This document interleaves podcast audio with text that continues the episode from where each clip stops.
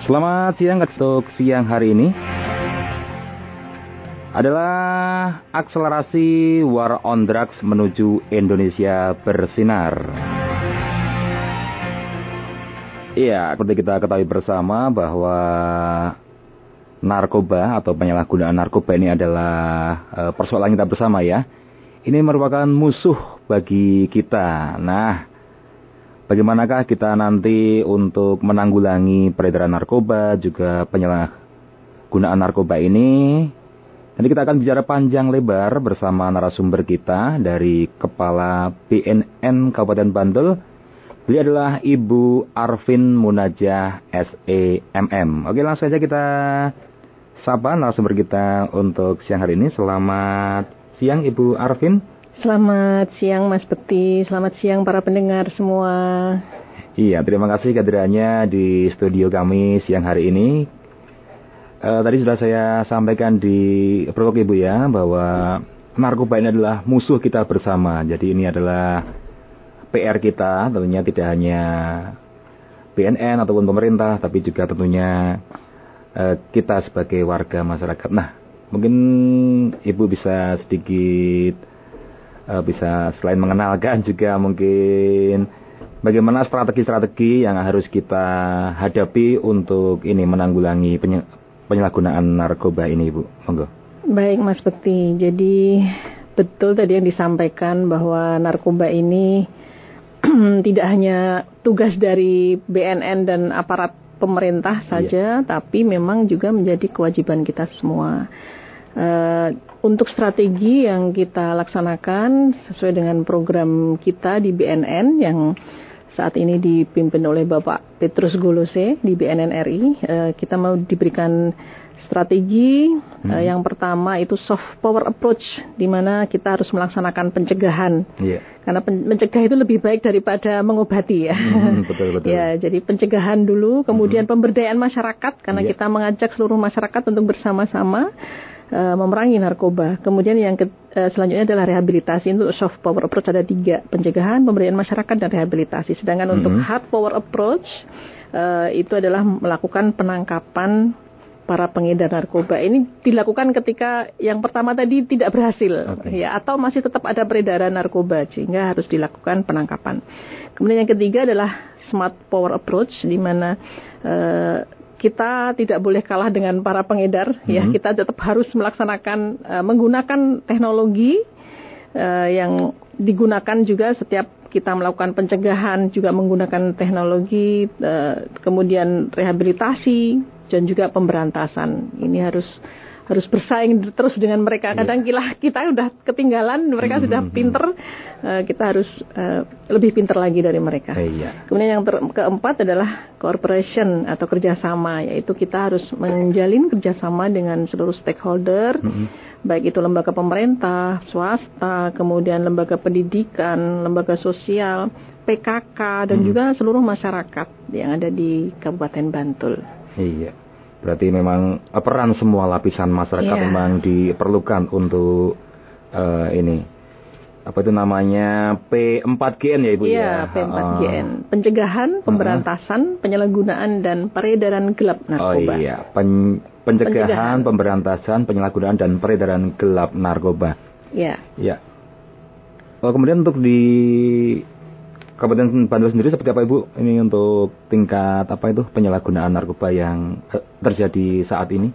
Ya, kalau data yang kita lihat data dari kasus sih mm -hmm. kita lihat semakin kekini itu menaik terus Mas. Yeah. ya, sejak 2018 kita ada 78 penangkapan itu termasuk mm -hmm. juga dengan Polresnya. Oh, yeah. Kita baru berdiri di 2018 Mas seperti hmm. BNN itu, ya. Kemudian tahun berikutnya 2019 itu ada 96 kasus, tahun hmm. 2020 ada 112. Nah ini sempat turun ketika tahun 2021 karena mungkin COVID yang oh, menggila iya. ya. Betul betul ini. Alhamdulillah ini ternyata berpengaruh juga uh, turunnya peredaran gelap narkoba sehingga kasusnya menurun. Hmm. Kemudian tahun 2022 sudah naik lagi kemarin ya sudah di angka 106. Mungkin 2023 ini hmm. juga kemungkinan besar juga yeah. naik lagi seperti itu. Hmm. Oh, yeah. Ya berarti memang upaya-upaya tadi soft power, mm -mm. approach, kemudian hard ini hard power yang ya. Eh, sejatinya ketika soft power ini sudah berhasil kita lakukan, mm -hmm. mungkin kita tidak perlu melakukan yang hard power itu ya bu ya. Iya, betul. Tidak perlu ada mm -hmm. penangkapan.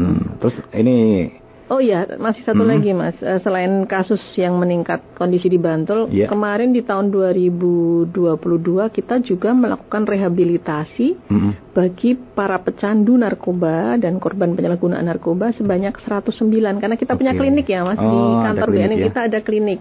Klinik Abi Praya. Hmm. Uh, yang itu uh, melaksanakan tugasnya adalah melaksanakan rehabilitasi secara gratis di BNN.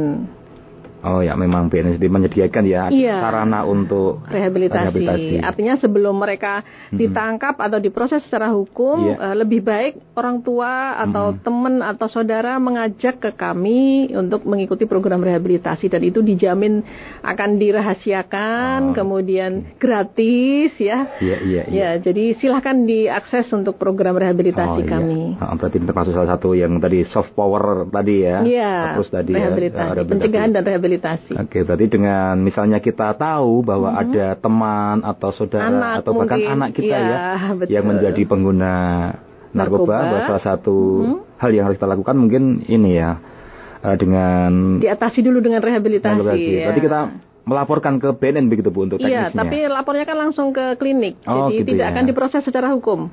Okay. Jangan takut ya. Jadi sebelum ini berlanjut ditangkap dan sebagainya ya. akan lebih baik kalau ini kita dengan sukarela untuk datang, uh, datang untuk mengikuti program rehabilitasi. Oh iya, oke. Okay, Ya ibu uh, melihat kecenderungan yang mungkin semakin tahun semakin meningkat ini ya, berarti mm -hmm. memang uh, strategi ini masih perlu untuk uh, dilakukan dan mungkin bahkan mungkin ditingkatkan. Dan kemudian tadi untuk hard power mm -hmm. sudah juga ada penangkapan juga ya, ya yang dari tahun ke tahun ini yeah. malah meningkat. Yeah. Ini menurun malah ketika kemarin pas pandemi Covid ya ini malah yeah, turun ya. tahun 2021 sempat turun uh, ya. Uh, uh, Mungkin karena banyak yang nggak punya duit juga mah. Atau takut keluar-keluar gitu yeah, ya. Iya iya iya iya. Iya malah hanya di, di rumah yeah, saja ya. Yeah. Hmm. Terus ini Bu, kita sebagai keluarga itu bagaimana sih kita misalnya untuk tahu oh anak kita ini kok agak mencurigakan, mm -hmm. ada atau apa ya indikasi-indikasi mm -hmm. bahwa putra putri kita itu terjerat narkoba itu seperti apa bu? Ada yeah. ciri-cirinya itu? Iya, yeah, memang ada bisa dilihat pasti ada perubahan mm -hmm. sikap dan perilaku itu mas. Mungkin anaknya yang tadinya pendiam terus jadi malah kebalikannya. Oh, gitu. Ya, atau kalau tadinya periang sekali hmm. itu malah jadi pendiam, oh, suka ngurung di iya, kamar. Iya, iya, iya. Ya, karena memang masing-masing jenis zat itu hmm. memang berbeda-beda dampaknya ya. Ada yang bersifat stimulan dia hmm. membuat dia lebih aktif yeah. gitu atau kadang malah bersifat depresan ya, hmm. lebih banyak tidur uh, mengurung diri seperti itu ya. Jadi memang setiap zat itu uh, berbeda-beda. Ada juga yang bersifat halusinogen. Hmm. Nah ini kalau halusinogen ini uh, ngeri sekali mas kalau dia naik kendaraan begitu yeah. karena uh, dia akan berhalusinasi oh, ya. Iya, nah ini iya. Sa sangat uh, rawan terhadap kecelakaan. Tapi yang jelas kalau sudah ada gejala-gejala seperti ya perubahan sikap hmm. dan perilaku Uh, kemudian uh, dia suka bengong, suka bolos di sekolah, uh, apa ya suka menyendiri, hmm. suka ngantuk tidur terus yeah. di sekolah, misalnya kayak gitu, ya harus harus kita cari tahu Hmm. Ya, kalau perlu ibu bawa ke kami untuk dilakukan tes urin begitu. Karena dengan tes urin kita baru tahu kalau dia tidak bisa ditanya ya, hmm. hmm nggak mau ngaku. Nggak mau ngaku gitu ya. ya. Ada ada cara lain yaitu hmm. dengan tes urin atau dengan screening intervensi lapangan. Tapi ini kalau screening intervensi lapangan ini hanya dengan uh, mengisi kuesioner yang kita sajikan begitu. Hmm. Jadi dia akan diarahkan dia sampai mengaku apa yang dia gunakan seperti itu. Ya, Tapi kalau tes urin langsung kelihatan. Langsung kelihatan ya. Iya. Oh, ya ya memang kejujuran dari anak itu sendiri yeah. juga mungkin keterbukaan orang tua untuk melaporkan mm -hmm. ke BNN ini mungkin juga sangat uh, berpengaruh untuk iya. ini. Jadi jangan takut hmm. kalau anaknya seperti itu harus segera diatasi begitu. Jangan malah menyembunyikan. Nanti iya, kalau dia iya, menyembunyikan malah tidak teratasi sampai uh, mungkin sudah ditangkap pihak berwajib. Mungkin juga kekhawatiran dari orang tua mungkin malu atau gimana punya anak yang mungkin pecandu begitu sehingga disembunyikan ya. Padahal yang hmm. seharusnya kita lakukan gimana Ibu? Misalnya kita diupayakan ya, diupayakan, ya. diupayakan ya. untuk sembuh. Hmm, hmm, dan setelah sembuh pun tentunya juga ada upaya-upaya agar tidak kembali kambuh ya. Oh, itu kita sebagai mungkin masyarakat atau tetangga atau temannya ketika kita hmm. tahu bahwa dia adalah mantan pengguna itu sebaiknya bagaimana Ibu? Iya, jangan dijauhi. Hmm. Ya, dia kita ajak bersama dalam kegiatan-kegiatan yang positif hmm. tentunya nggih. Uh, mungkin ibadahnya iya. diingatkan terus, diajak ke kegiatan-kegiatan pengajian hmm. misalnya untuk yang muslim atau kegiatan-kegiatan keagamaan. Kemudian dia mengisi waktu dengan sebaik-baiknya dengan waktu luang yang dengan yang positif begitu. Hmm. Misalnya uh, dengan olahraga, seni atau dia disibukkan dengan kerja hmm. ya mungkin harus diberikan bekal uh, life skill kita juga sudah kerjasama dengan dinas tenaga kerja di Bantul yeah.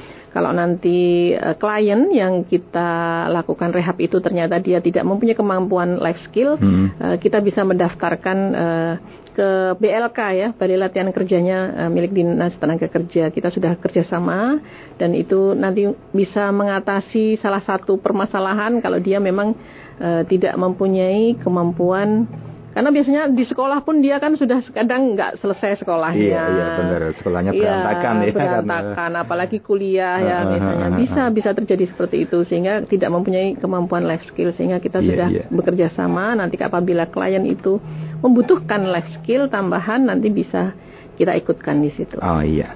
Oke, jadi memang perlu kita apa? Perlu diisi dengan kegiatan-kegiatan yang positif sehingga mungkin iya, lupa betul. akan kegiatan Dan jauhkan gitu. dari komunitas sebelumnya, oh, itu yang iya, penting, iya. Mas pergaulan ya mungkin ini iya. juga pengaruh ibu ya. Iya sangat pengaruh, hmm. sangat tinggi hmm. itu pengaruhnya.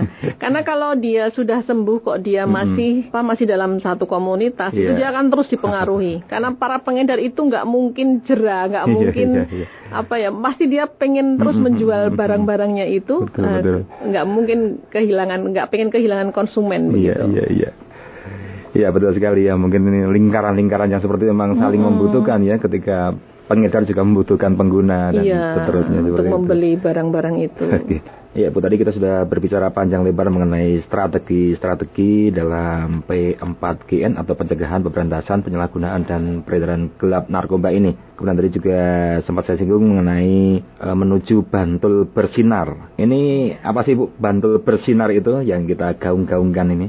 Jadi Bantul bersinar itu kalau kepanjangannya adalah Bantul bersih dari narkoba. Bersih dari narkoba. Ya, ini merupakan hmm. uh, apa ya semboyan slogan kita dari, hmm. dari BNN semua dijadikan bersinar, Mas. Jadi hmm. sebenarnya tidak hanya kabupaten saja. Kita ingin ada sekolah bersinar, iya. lapas yeah. bersinar. Hmm. Itu sudah sudah kita bentuk lap, uh, rutan kelas 2B di Bantul itu sudah menjadi uh, salah satu dari lapas bersinar. Hmm. Kemudian sekolah-sekolah menjadi bersinar kemudian kalurahan bersinar hmm. ya kalurahan bersinar ini di Bantul sudah ada tujuh ditambah dua hmm. ya tujuh itu dari Bangun Tapan, Bangun Jiwo, Bangun Harjo, Ngesti Harjo, Batu Retno, Parang Tritis, Mulyo Dadi seperti itu.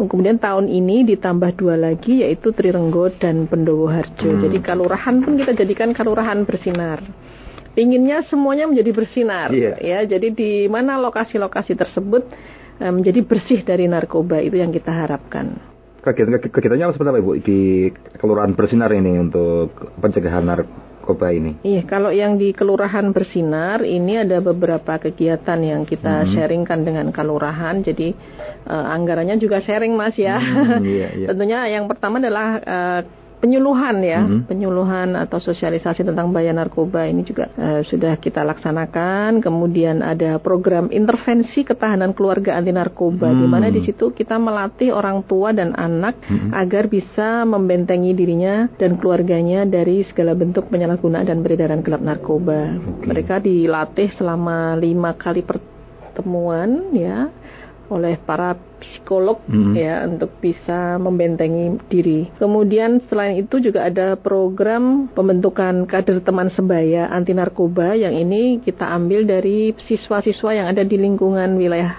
desa hmm. bersinar ya. Nah ini juga dilatih lima, saya, kali. lima kali pertemuan juga hmm. di situ. Uh, mereka juga dilatih untuk bisa mengendalikan dirinya, bisa hmm. memanage apa waktunya, bisa memanage hatinya biar tidak terpengaruh terhadap narkoba. Kemudian di situ juga dibentuk uh, eh, IBM, intervensi berbasis masyarakat, hmm. di mana IBM ini nanti akan uh, dibentuk agen pemulihan agen pemulihan yang terdiri dari lima orang masyarakat di situ biasanya diambil dari Pak Duko atau Karang Taruna bisa lima orang ini nanti yang akan mendampingi masyarakat di sekitar ketika terjadi. Jadi di situ hmm, ada hmm. pecandu hmm, yeah. atau penyalahguna narkoba. Nah, mereka akan didampingi oleh para agen pemulihan ini. Hmm. E, kalau bisa diatasi di wilayah, diatasi sendiri. Tapi kalau tidak mampu, nanti akan dibawa ke kantor BNN, ke klinik kita untuk dibantu rehabilitasi. Nah, kalau sudah parah, nah itu nanti pun kita harus merujuk, Mas, karena di klinik kita memang hanya rawat jalan. Yeah. Kalau nanti sudah parah, kita harus merujuk ke lembaga-lembaga rehabilitasi yang menerima rawat inap.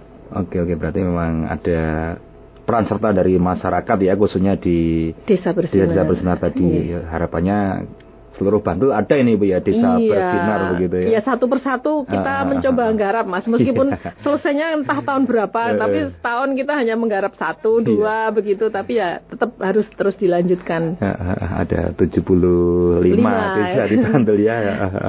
ya semoga ke depan bisa lebih banyak lagi desa-desa uh, bersinar ini di wilayah Bantul. Uh -uh. Ya kemudian selain tadi juga ada uh, pembentukan kader-kader tadi ya, mm-hmm. IPM lebih menyasar ke generasi muda atau ke usia-usia yang mana ibu untuk peredaran narkoba ini khususnya di wilayah Bantul ini yang disasar itu? Iya. Kalau di Bantul itu kalau kita lihat dari kasus yang kita ungkap hmm. beberapa kali itu lebih banyak di usia produktif. Usia produktif. Karena yang kita tangani saya mau Mas, yang kita hmm. tangani ini adalah narkotika ya. Yeah. Narkotika itu berbayar harga yeah. mahal. Betul sekali, tidak ya, murah ini. Jadi lebih banyaknya adalah hmm. orang-orang hmm. yang sudah punya duit, sudah hmm. bekerja, sudah dewasa ya, tapi dia mereka usia-usia produktif. Tapi kalau untuk anak-anak pelajar itu lebih banyak ke penyalahgunaan penggunaan psikotropika. Hmm. Jadi ada pil-pil uh, yang sebenarnya obat itu adalah obat dokter, hmm. tapi uh, banyak disalahgunakan seperti hmm. itu. Obat antidepresan misalnya uh, untuk obat orang gangguan jiwa dan hmm. sebagainya hmm. itu uh, banyak yang disalahgunakan oleh anak-anak uh, usia pelajar kita. Hmm, oke oke banyak yang itu ya pil-pil koplo gitu ya. Nah, ya. Oh, pil sapi iya. ya, macam-macam namanya tuh. Sebenarnya ada beberapa kategori sih Bu untuk narkoba itu dari tingkat yang itu yang pil-pil kayak gitu sampai yang tingkat tinggi yang harganya mungkin iya. mahal itu. Jadi kalau narkoba, narkoba itu sendiri hmm. kepanjangan dari narkotika, psikotropika, banyak hmm. adalah bahan adiktif. Hmm. Lah yang narkotika itu yang uh, selama ini kita tangani karena kita kan badan narkotika nasional yeah, ya. Iya, Jadi yeah. yang kita tangani memang sebenarnya sebenarnya khusus di narkotika hmm. untuk penangkapan, Mas. Tapi hmm. kalau untuk e, rehabilitasi semua masalah kami terima. Hmm. Ya, nah narkotika itu sendiri ada golongan 1 2 3. Golongan 1 itu ya e, ada sabu, hmm. ada ganja, ada e, heroin, putau, ekstasi kayak mm-hmm. gitu, uh, termasuk juga tembakau gorila itu masuk di oh, iya. narkotika dan apa pun alasannya tidak boleh digunakan untuk mm-hmm. pengobatan atau disalahgunakan. Sementara kalau yang golongan 2, golongan 3 itu bisa digunakan untuk pengobatan oleh medis. Hmm. Ya, itu narkotika. Kemudian kalau psikotropika ya tentunya obat-obatan selain narkotika yang itu juga banyak disalahgunakan oleh anak-anak yang tadi saya hmm. ceritakan, anak-anak pelajar, anak-anak masih muda, karena biayanya relatif terjangkau, yeah, harganya yeah, terjangkau, yeah. bahkan kadang diberikan gratis terlebih dahulu sama pengedarnya. Yeah, Nanti kalau yeah. sudah ketagihan, barulah. Yeah. Ya itu ada trihack, ada apa, reklona. Hmm dan sebagainya banyak itu jenisnya juga yang itu sebenarnya obat-obatan yang digunakan dokter untuk mengatasi permasalahan-permasalahan hmm. jiwa sebagian besar itu hmm. atau anti nyeri Kemudian yang banyak bahan adiktif. Hmm. Nah, bahan adiktif itu ada di sekitar kita. Tapi itu juga bisa membuat ketergantungan seperti rokok hmm. misalnya, kemudian uh, kopi kayak gitu. Tapi iya. memang yeah. tidak dilarang sama negara, ha, ha. tapi itu membuat ketergantungan yang juga ternyata juga bisa merusak kesehatan. Hmm. Nah, iya memang ada zat-zat mungkin ada zatnya ya kopi yeah. yang memang membuat kita nyaman ibu kalau kita udah iya. kalau rasanya kalau belum ngopi kok kayaknya aku Enggak. kurang mantep gitu, iya. kurang gimana gitu ya. Iya, kadang kalau anak-anak sekolah kalau nggak ngopi nggak bisa iya. belajar. Nah, nanti yeah. jadi tergantung dia. kalau mau belajar harus minum kopi. Iya, iya, iya, iya.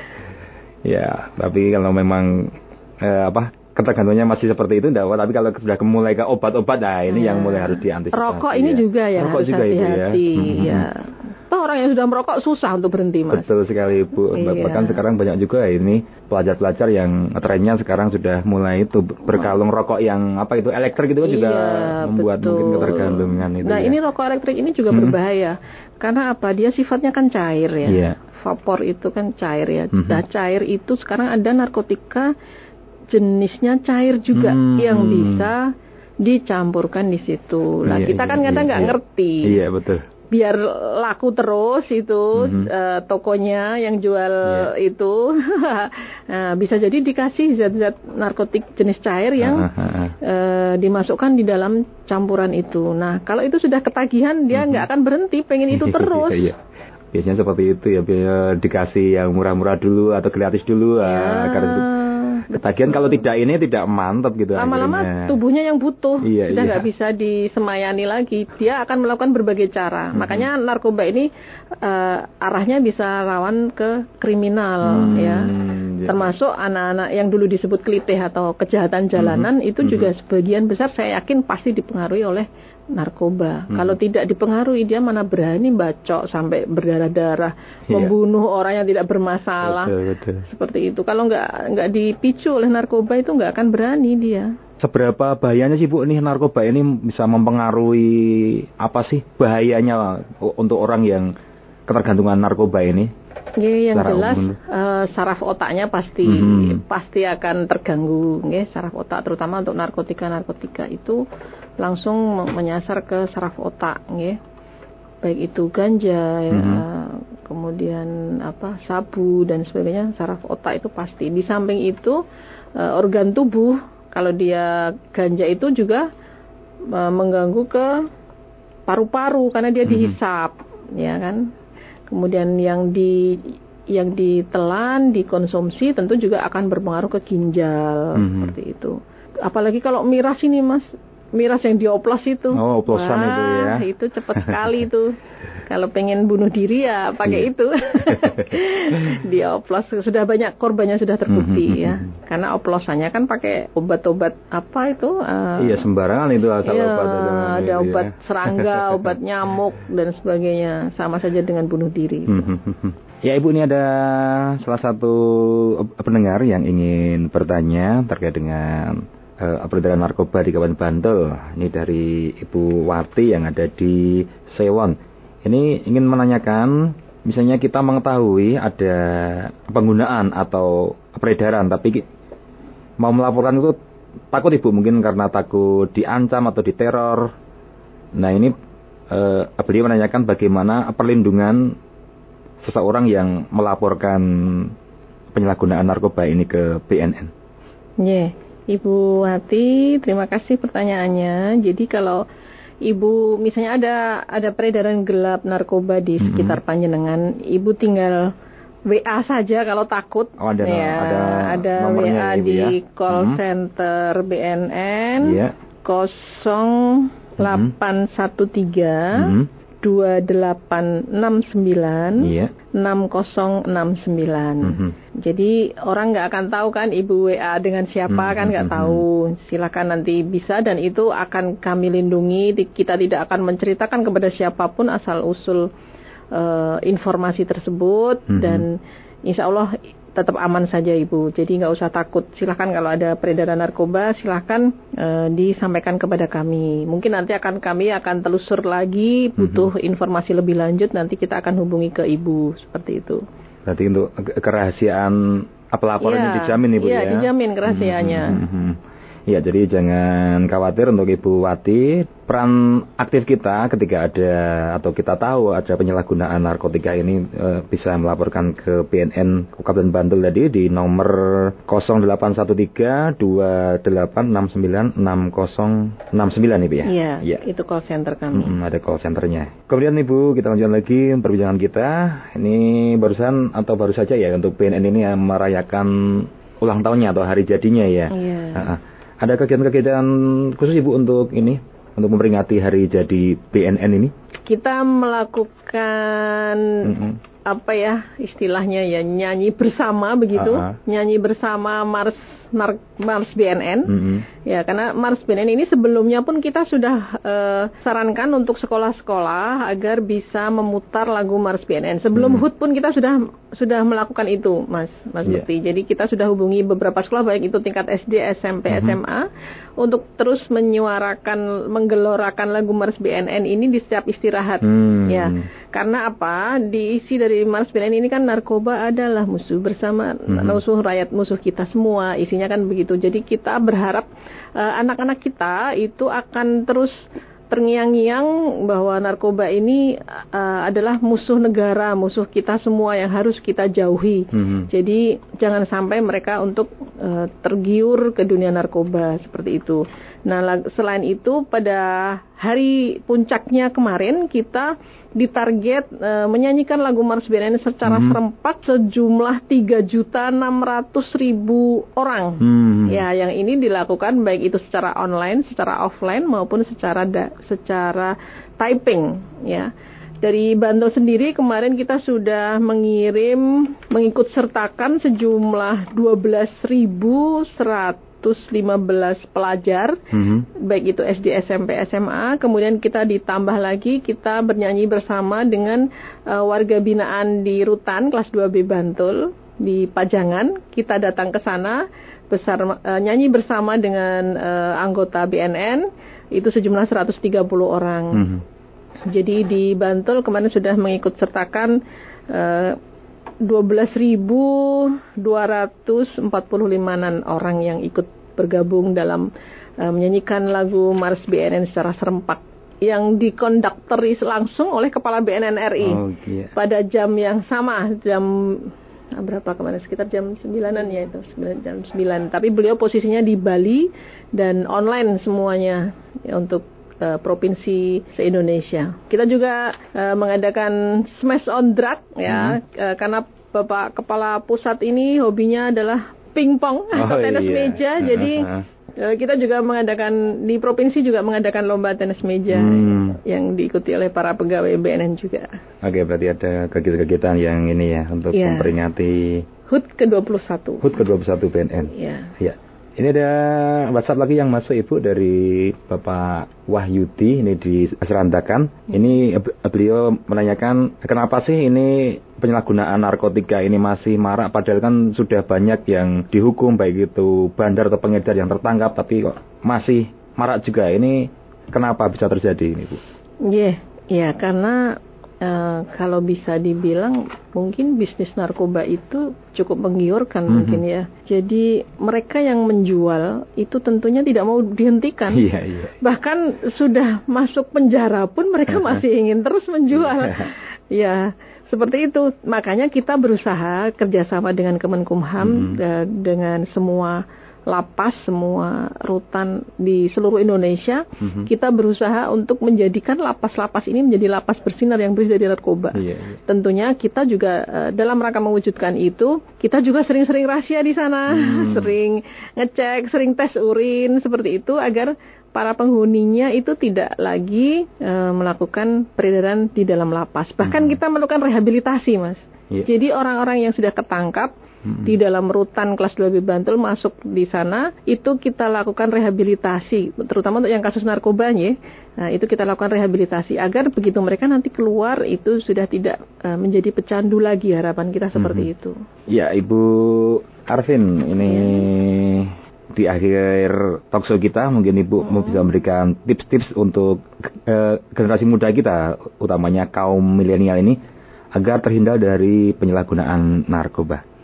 Ya, mungkin ada tips yang bisa saya sampaikan mm -hmm. buat anak-anak muda kita, anak-anak kita tercinta ya. Yang pertama itu kalian harus jangan sampai jauh dari Tuhan hmm. apa pun agamanya karena semua agama jelas melarang penyalahgunaan narkoba. Kemudian yang kedua jangan jauh dari orang tua hmm. karena orang tua itu nggak akan mungkin membusukkan anaknya. Jadi kalau kalian ada masalah kalian harus larinya ke orang tua atau ke guru.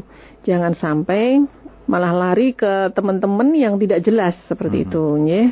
Saya yakin setiap orang tua pasti ingin yang terbaik buat anaknya. Kemudian tanamkan dan raih cita-citamu dengan serius ya. Kalau kalian punya cita-cita harus fokus seperti itu.